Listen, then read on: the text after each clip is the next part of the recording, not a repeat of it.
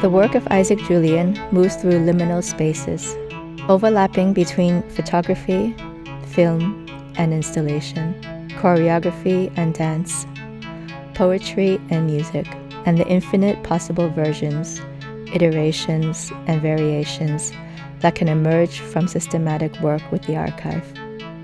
Intersections in which fiction, documentary, narrative, and radicality converge to produce aesthetically meticulous and politically powerful imaginaries and stories that challenge white heterosexual film conventions through their temporalities, narrative construction, and aesthetic forms. The son of Caribbean immigrants, Isaac Julien was born in London in 1960. He was a key figure in the new wave of black independent film that emerged in the United Kingdom in the 1980s when Margaret Thatcher was in power. He co founded the Sankofa Film and Video Collective, which was influenced by debate on post colonialism and social theorists such as Homi Bhabha and Stuart Hall. In his films and installations, Isaac Julien constructs a personal imaginary of Black history and culture, as well as queer Blackness. Through works like Looking for Langston, 1989, Young Soul Rebels, 1991, Frantz Fanon, White Skin, Black Mask, 1996, and Lesson of the Hour, 2019, he has developed what he calls an aesthetics of reparation. His work also casts a critical eye on the impact of globalization, capital, migrations, and new forms of work in our world today. In this podcast, Isaac Julien talks about the need to give a voice and body to dissident Black identity and desire in the cinematic imaginary. As a means of dismantling the hegemonizing whiteness, he also discusses his constant shifts between worlds of art, video art, and film through expanded cinema, choreographic montage, multiple screens, the movement of spectators, and by breaking the flow of narrative and time. He talks about his working process based on constant revisions, with and thanks to the archive. And he confesses his mistrust of the promise of the radical nature of new technologies, while suggesting other ways of looking, with pleasure and beauty always at the center.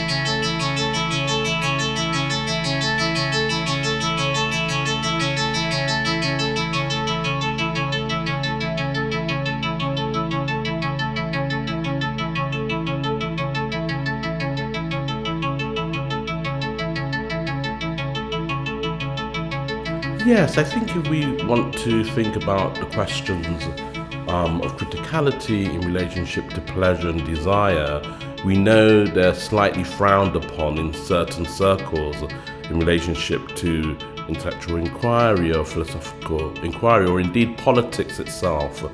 And so I think this way of looking at representation as a kind of regime which in artistic practices are devoid of these questions around pleasure and desire or beauty, in a way, I've seen them as if one looks at from the subaltern point of view and not just the kind of more hegemonic, you know, white or European, you know, more universalistic point of view.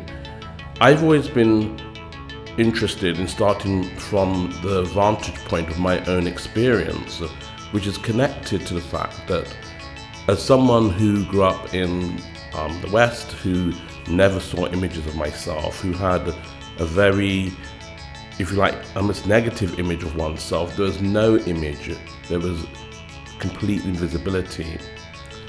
And during certain political crises, such as the AIDS crisis, or the riots that um, took place in Britain in the early 80s, there was a demand for representation from those struggles of a self representation that would somehow rearticulate a certain agency which got completely lost. But where do you start from if you don't even have that agency? You know, a lot of agency is taken for granted in terms of looking, in terms of the availability of images and representations in society.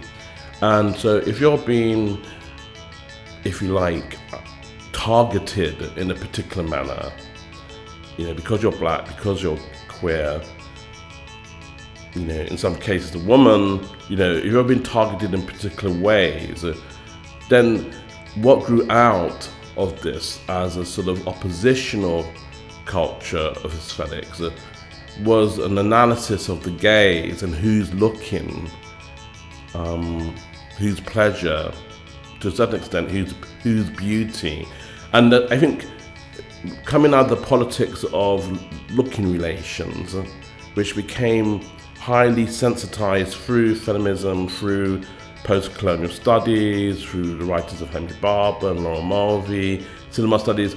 In a way, I would say that there's a particularly heightened moment when we are trying to turn around the regimes of representational orders. And I think we are striving really for a self representation. And I call this now, retrospectively, reparational aesthetics. It's not about an aesthetics that's making you necessarily feel better, but it has a more, I would say, um, a role of giving image um, and giving, um, making pictures. Um, how do you make pictures for things which are invisible? And so I think that's like a kind of challenge. So I think also at the time when I'm making works like Looking for Langston, there is a, a great deal of oppressive um, imagery which is being produced by the dominant media. And so um, the AIDS campaign, gay sex equals death. Um, and I mean, there's a real heavy handedness. And also, people are being, you know, maligned. You know, I mean, I made the film on Derek Jarman um, with Tilda Swinton. Um, Derek Jarman died in 1994. He was one of the first people who came out in terms of someone who had AIDS. And uh, so, I mean, there was an awful lot of conservatism, um, and it was very oppressive if you were queer or gay, um, and the way that um, all of these things were being equated. So I think you know, out of that developed the kind of politics, and you have a politics of activism, which is about a more agitprop kind of aesthetics, which I was really fantastically for. But I was really also interested in how to make works that, that somehow will outlive their moment. And maybe this is because I was very aware of the question of mortality. I mean, I didn't know if I was going to live past my um, 30s into 40s all my friends, lots of my friends had died. So there, in a way, these works could be documents, um, and when everything maybe had changed, you know, they would they could reveal themselves. I think one of the kind of things which happened in the workshop era, which is where the collectives like Sankofa Film Video Collective and the Black Audio Film Collective, but you also have other people working like Stuart Marshall, um, you have um, Derek Jarman, you have a number of different spaces which are combining experimental film strategies, video art, um, film essay, is works. And I think there's a space where people are trying to reflect on and meditate on and to create a kind of oppositional aesthetics. And I think it's coming from a completely different place. And I think this, especially in relationship to questions around blackness, that I think there's a way in which there is a take for grantedness that, that kind of white society and generally people on the left, you know, can take. You know, they can have that kind of privileged position to demarcate, you know, that these images are deemed like, you you know, too beautiful, you know, but then they don't share the same experience. You know, they don't understand what it's like to kind of be ostracized or to not have an image of beauty that you can reject. You know, and so I think that question of the amigo and the, if you like the kind of dented aspect of one's identity the beaten up aspect of one's identity, um, the way in which, um, if I think recently um, about an exhibition which I curated, which borrowed the title from Bell Hooks' book, where she talks about the soul, Rock My Soul, is the title of her book. I mean, the soul, I mean, all of these things are really you know, parts of the um, quests which I was trying to look for in relationship to questions of desire. So, if we think about a film like Beautiful Black Men, somehow you're being made to feel that your beauty is not real. I mean, this is not a question that artists that have their certain hegemonic kind of representational field in force, they don't need to ask that question. You know, they don't care. Critics that have that position, they, I mean, you know, they're just looking at things ideologically from their point of view, um, let's say from their comfort zone. But, you know, I think that said, I very much appreciate the idea of um, sort of um, the anti aesthetic oppositional point of view, and I completely understand it, that kind of rough but, you know, I guess if you're from the street, you know, I don't have to prove my credentials. I don't have to sort of, you know, pretend that I'm not interested in art or beauty. That's perhaps more of a bourgeois hang up. So, you know, I think, you know, so there are all of these ways I think that one can really look at it. But I think all it does, it just exposes the kind of, if you like, paradigms of who talks about and writes about and who makes art who makes films, who makes criticism, who writes. So I think all of these aspects are things where, in this particular moment, we're taking those to task to a certain extent. And, you know, we've read all these theories and we're deconstructing them and we're thinking, no, Barthes's reading, semiological reading of the black man, just looking at the flag isn't good enough. You know, that semiotic reading isn't, it's, it's not giving us a deep enough reading, you know. And so I think that all of those things we're questioning, really, and we're, we're putting those things to task to a certain extent. And I think that becomes then part of this question of mourning and a kind of reviving in relationship to the image and and how that connects to um, different cultures when they're being sort of criminalized or um, when they're being, um, to, to, to a certain extent, made to feel when they're being policed in a particular manner.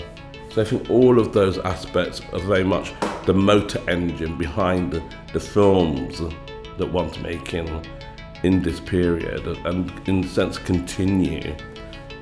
I mean, you know, it's not got better. I mean, you know, everybody knows that the complaint for the BAFTAs this year in 2020 um, is that, you know, no nomination of black actors or black themed films. I mean, it goes on that idea of, you know, just the general disregard um, of whiteness and its hegemonic project.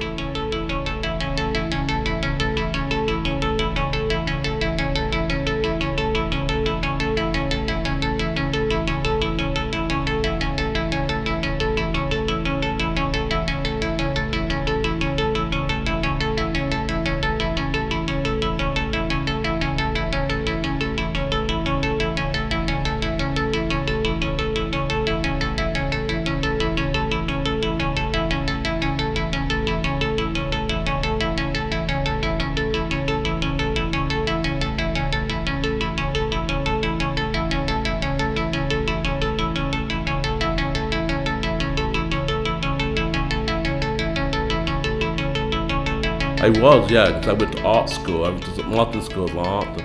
I was trained as a painter. My first exhibition was at the Royal Academy in 1980, where as an art student I submitted two works for the summer exhibition. They both got in. I sold them and I bought a camera with the Super 8 camera with the proceeds from selling the works. And I had already made a decision from then that I really felt the gallery was really quite problematic. I really didn't like the audience. Um, it was far too white and middle class, and you know I wanted to be able to make works that would surpass that audience. So that's really why I went more into film. But ironically, I think what happened is that by 91 when I made Young Soul Rebels. My film after that was called The Attendant. And it was all shot in the Royal Academy and these different museum places and locations. And it was almost as if, in a prophetic sense, I was kind of looking at my future to a certain extent to return back to the Gallery Museum. And I think it was because, in a way, I wanted to return back to art to a certain extent. And so it's a very, it's a different movement from say like a sort of um, artist like Steve McQueen, who in a sense, you know, went, you know, to some extent more mainstream into the cinema world, into Hollywood, in a very successful manner. You know, my movement was sort of it was moving back to basics. I think. I mean, I kind of think it's great not to be able to choose so I rather like that position of not choosing. That you can make work in the gallery, that you can make work in the museum, and you can make work in television. I guess at the time I was very sensitive and critical of the way in which the dominant media was constructing the narrative of riots and the way in which the news was reporting these mysterious deaths which were taking place in police stations, you know, young black men in police custody, and the reporting of them was so inaccurate and biased and weighted towards the position of the police. And so, in a way, when I made Killed Colin Roach, it wasn't so much that I wanted to um, make a work that was just in a way, reporting on the event, but to really tell the story from the family's point of view, because after all, Mrs. Roach could have easily been my mother. And so, in a way, I was trying to use the camera, and in the end, I realized that we were filming a demonstration, but I realized that the police were demonstrating. And so then I started to film the police, and in a way, you could use the kind of power of the apparatus and in a way, of course, what resulted from that was that every single person was arrested in my crew. Um, on the film crew, it, except me, I miraculously escaped, you know, because they did try to arrest me as well. And I had a sort of long term ambition to never be in a police station. It was something that I promised like my family, I would never ever be in a police station. That's the only time when I really came very close to being in one, which was a very dangerous place for um, a younger black male to be in, and still is. And so, in a way, I think there's a way in which, when I was making that work in 1983, there was a way I was very much thinking about this use of the documentary as and to new and to utilize sort of video effects and to utilize all these different strategies to tell the story, let's say, of um, this campaign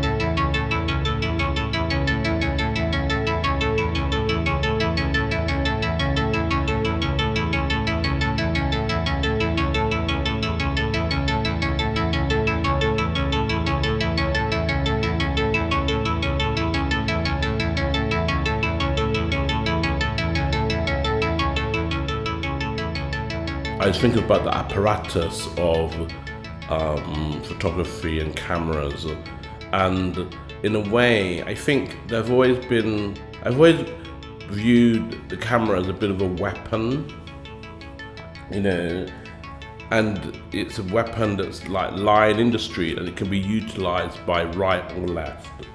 And I think this is a debate that's taking place in new technologies now.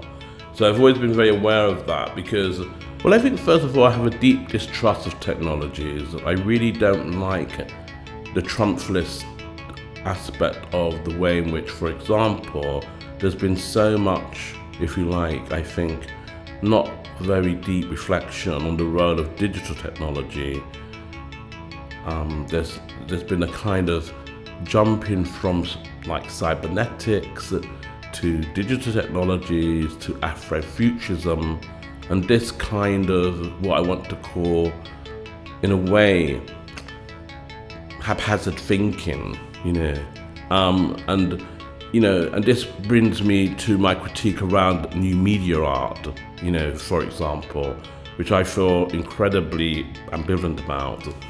So, I mean, I don't think when I was involved in the digital revolution, as it became to be named, that I was appro- approaching that because at the time when I started making films, it was the video revolution. It was the kind of new digital technology of video, and you had filmmakers and video artists arguing, well, if you don't make your film on video, it's not really video art, and that kind of essentialism.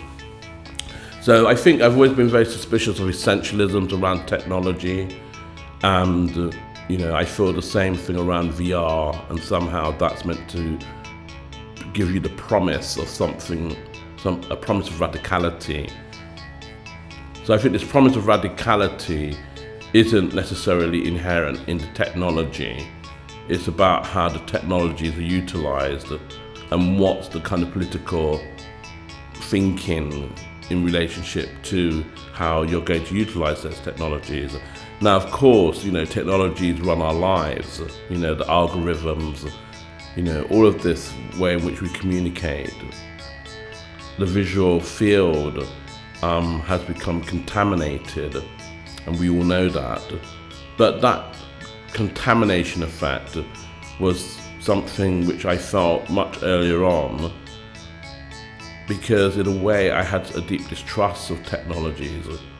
So in a way I don't think it's a juxtaposition of all the different technologies that necessarily bring about a kind of radicality. It's really about how they're used against one another and then how you can rearticulate certain questions. You know, and I think we can see at the moment that the new technologies have been appropriated rather successfully by the right at this moment in time.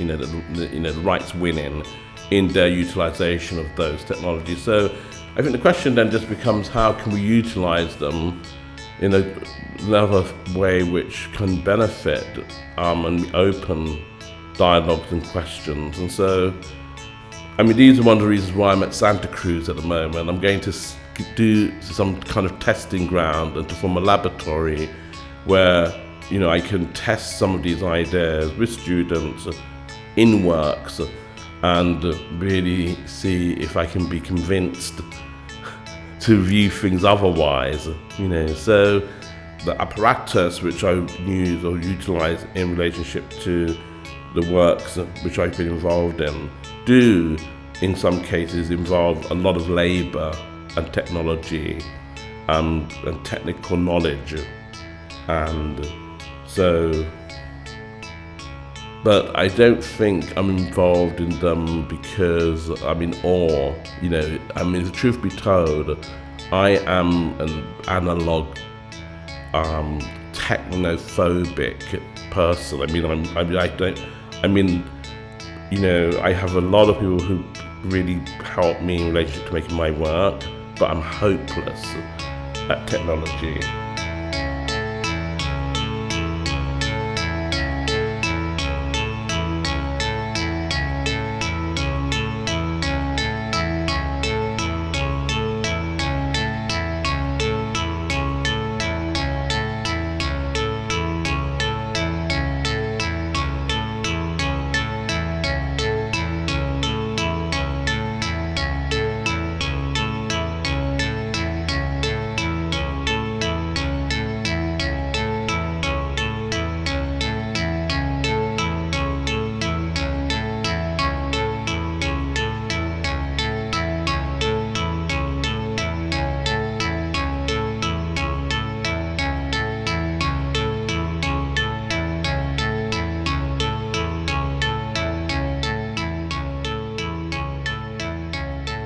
Well, I mean, it's all about versioning, and people have been doing this for a very long time, especially in black popular culture. You know, there's a record, you know, you like this version of it, you like the other version of it. It's that sonic difference that gets created between notions of pleasure which derive from different versions of works. I guess I see the different versions of works where one doesn't fetishize the original as a way of creating different platforms where works can be looked and shown and exhibited. So, in the case of a work like 10,000 Waves, which originated as a nine screen work, in a way, I think I was really trying to develop a, a few museumological practices where you can develop those in the space of the gallery, where I had collaborated with Christine Van Assche on a show at the Pompidou in 2005, where I made a multiple screen work, and I watched how the spectators treated that work, where I made a four screen work and I pushed all the seats into the middle, and all the spectators got their seats and they pushed them to the end of the screens so they could view the totality of images. So that idea of being able to view things simultaneously and to view all of the images so that in a way you know of course you know that way of looking is perhaps how we look anyway. And so this is something which everyone's involved in every day. You know you're on your iphone or you're, you're on your laptop and i've mentioned this many times. You know, on Facebook, you're on, you know, God forbid, you're on sort of Instagram, God forbid, you're on sort of um, your social media, on your emails, you're on, um, you're looking at your messages, and so it screens upon screens upon screens, and so in a way that seeps into your practice. I, I think in a way I'm just doing what everybody else is doing. I mean, I do it in a different manner, you know, through making work but we're all involved in that multiple kind of um, and I have theories around it. of course, you know, I have my own theories around the notion of the distracted spectator and that people can only look with their phones and, you know, looking isn't really taking place in the same way anymore. Um, but I wanted to trouble that. so to do that, it meant when a few years later in 10,000 Waves, we're developing this idea of the mobile spectator and in a way using the screens to motivate a different type of looking and to engender this way of the gaze where it becomes where it oscillates from one screen to the other and you can follow the narrative. And this notion of expanded cinema or parallel montage as a technique is something which was developed between myself and Adam Finch. We both attended St Martin's School of Art where we were taught structuralist films. We, you know, were suspicious of narrative film, but maybe not as suspicious as our predecessors or our professors. But I think, in a way, there's a way in which I think with the advent of technology, projection, and then the capability of being able to work with projection and multiple screens in a way that it's both architectural and has a scenographic choreography became really interesting way of thinking about montage and how that sutures the spectator and ideally, or if you have an ideal spectator, you know, they would move, you know, from one screen to the other. I mean, it's old habits die hard, as I've said before, and people tend to sit on their bottoms and view from the comfort of their seats where they're meant to look.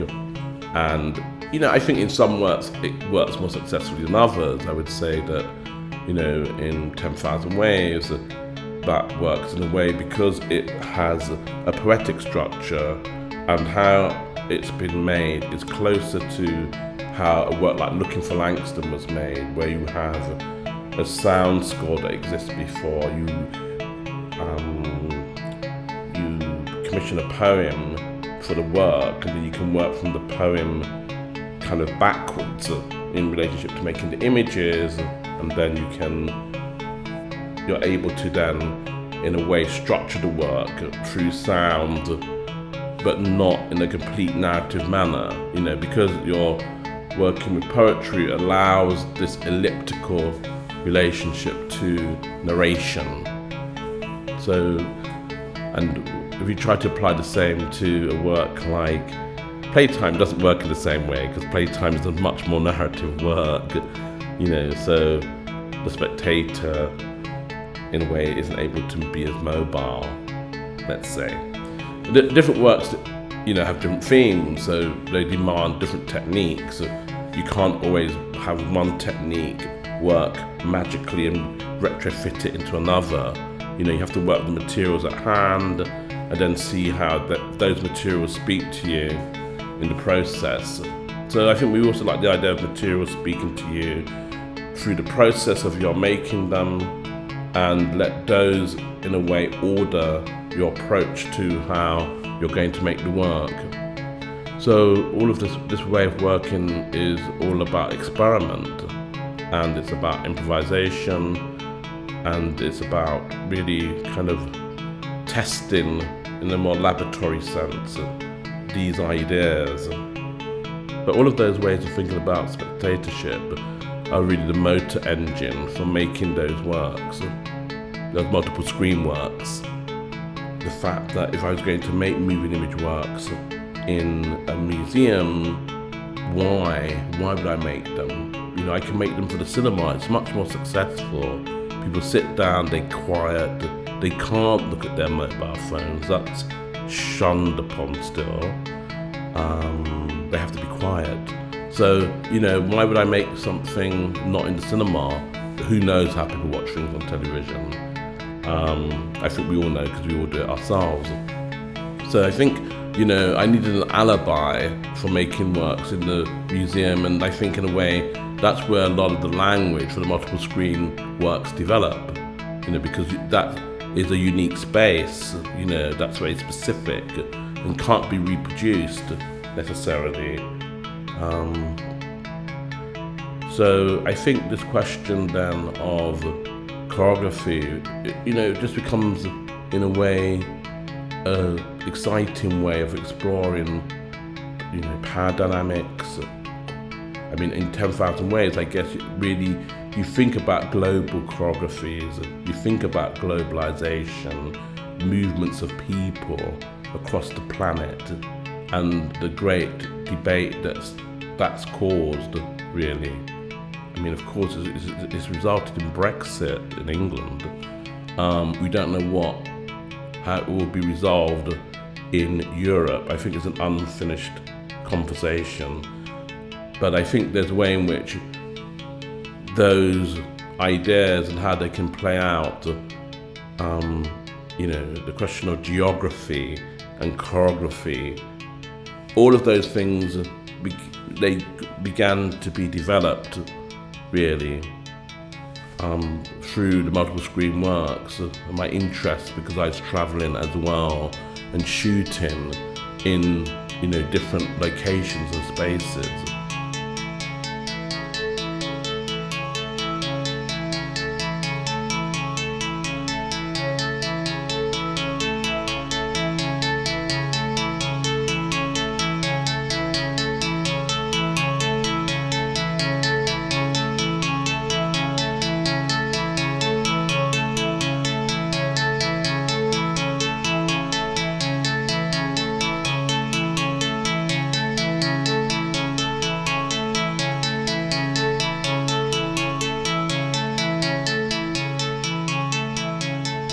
Know, I've always been very interested as um, someone who makes images in photography, and I think at the time of making Looking for Langston, but not just in Looking for Langston, it's also in later works.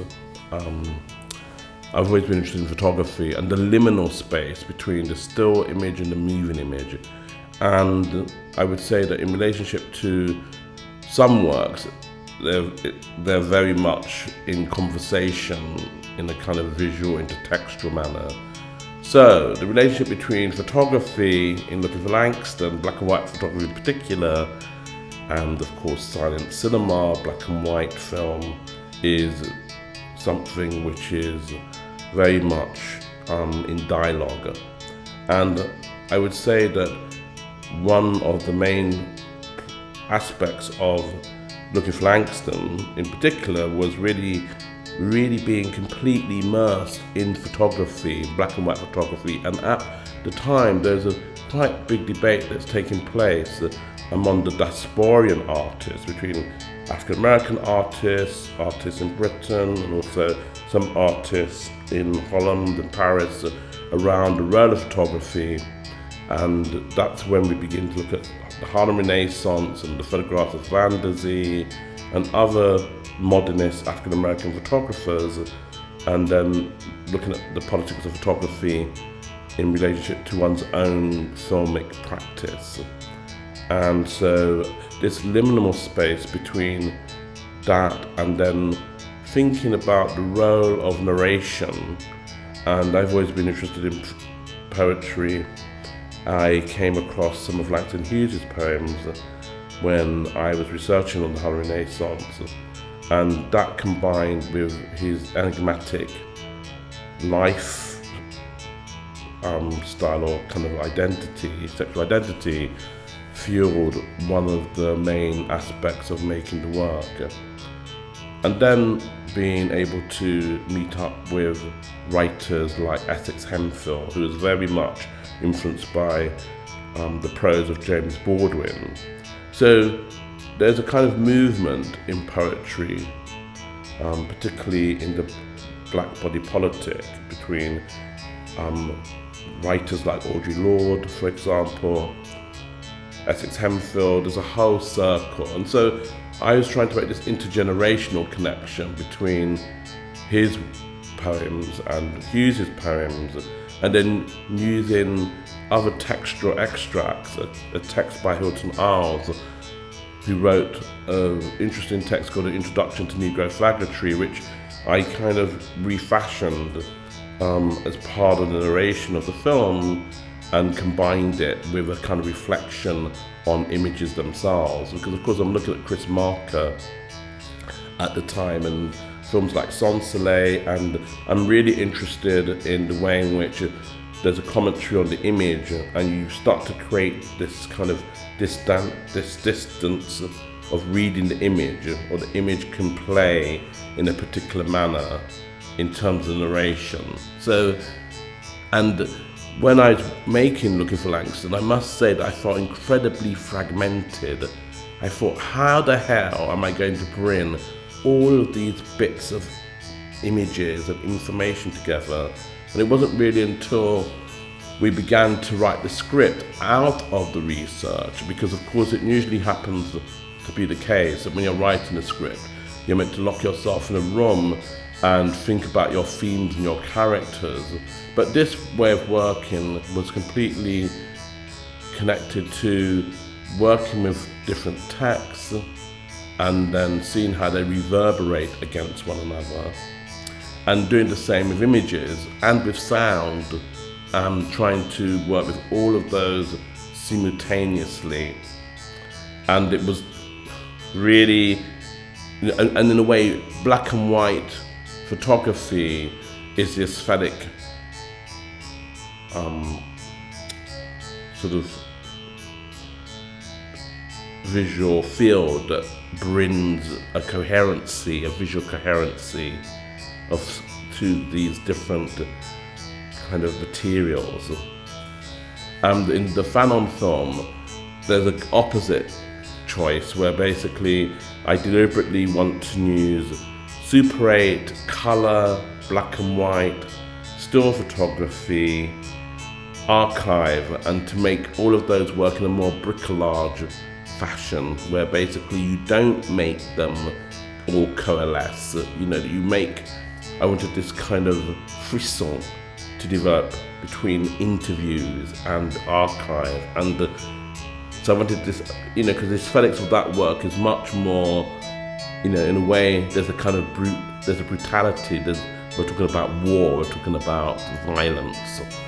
Um, we're also talking about desire and the gaze. But you know, it's a different film. You know, so you have the different approaches to the different works.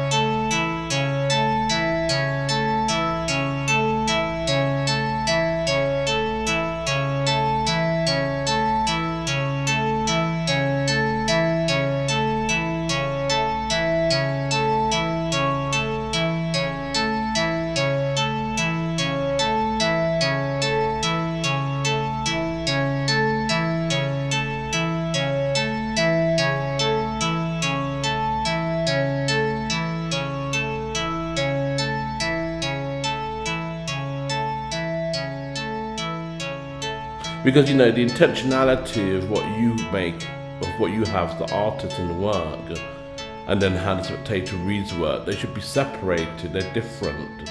And so that's why sometimes i kind of object a little bit about what's the intentionality of the artist. Because sometimes i just think well i have my own intentionality of course but it's not necessarily important you know in relationship to how that work's going to be read or how people want to read it, you know, because they can just read it how they, you know, I mean, maybe it's a little bit laissez faire, you know, that you can have a bit of a laissez faire approach to how people want to read your works. I mean, I certainly have a way that I ideally would like them to be read. Um, but that can't always happen, and in some cases, I mean, for example, I know there's a work like a Bondia where I made the language in Creole because I felt like there was a whole debate that was taking place around the Creole language. Somehow I didn't think that language was going to make it into Apple, and somehow I didn't think that that language was going to be one which the French would ever take seriously. And somehow that language was used as a language that my parents speak as a resistant language against the master, so they wouldn't know what the fuck the slaves were saying. So it sounded like French, but of course, I'm sure they just thought, well, it's their own mumbo jumbo language, you know. And so, in a way, when I made that work, uh, you know, some people still have said, oh, it's not translated. You're not, it's not meant to be translated. So I was really interested in that idea of language having its own power, and the, and the power of it is in its non-translation um, even with the fact that that language is going to be a dead language some, sometime soon. So, yeah, I think there are all of those aspects, you know, which everybody wants to know. Idea, you get that idea that on the whole there's an interest, a knowingness. Let's call it that, a knowingness to know. and in a way, a little bit like this interview, you could say. There's that kind of maybe it's a European obsession, knowingness, to know everything. When I'm making a work, quite often I don't know what the hell I'm doing, and I don't know what I'm doing. I really don't.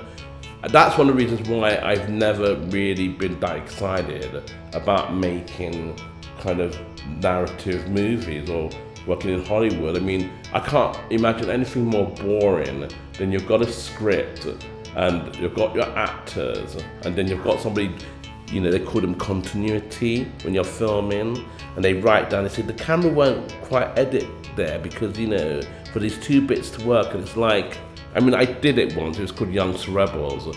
On the whole, I hated the experience, so I've never tried to repeat it. Put it that way.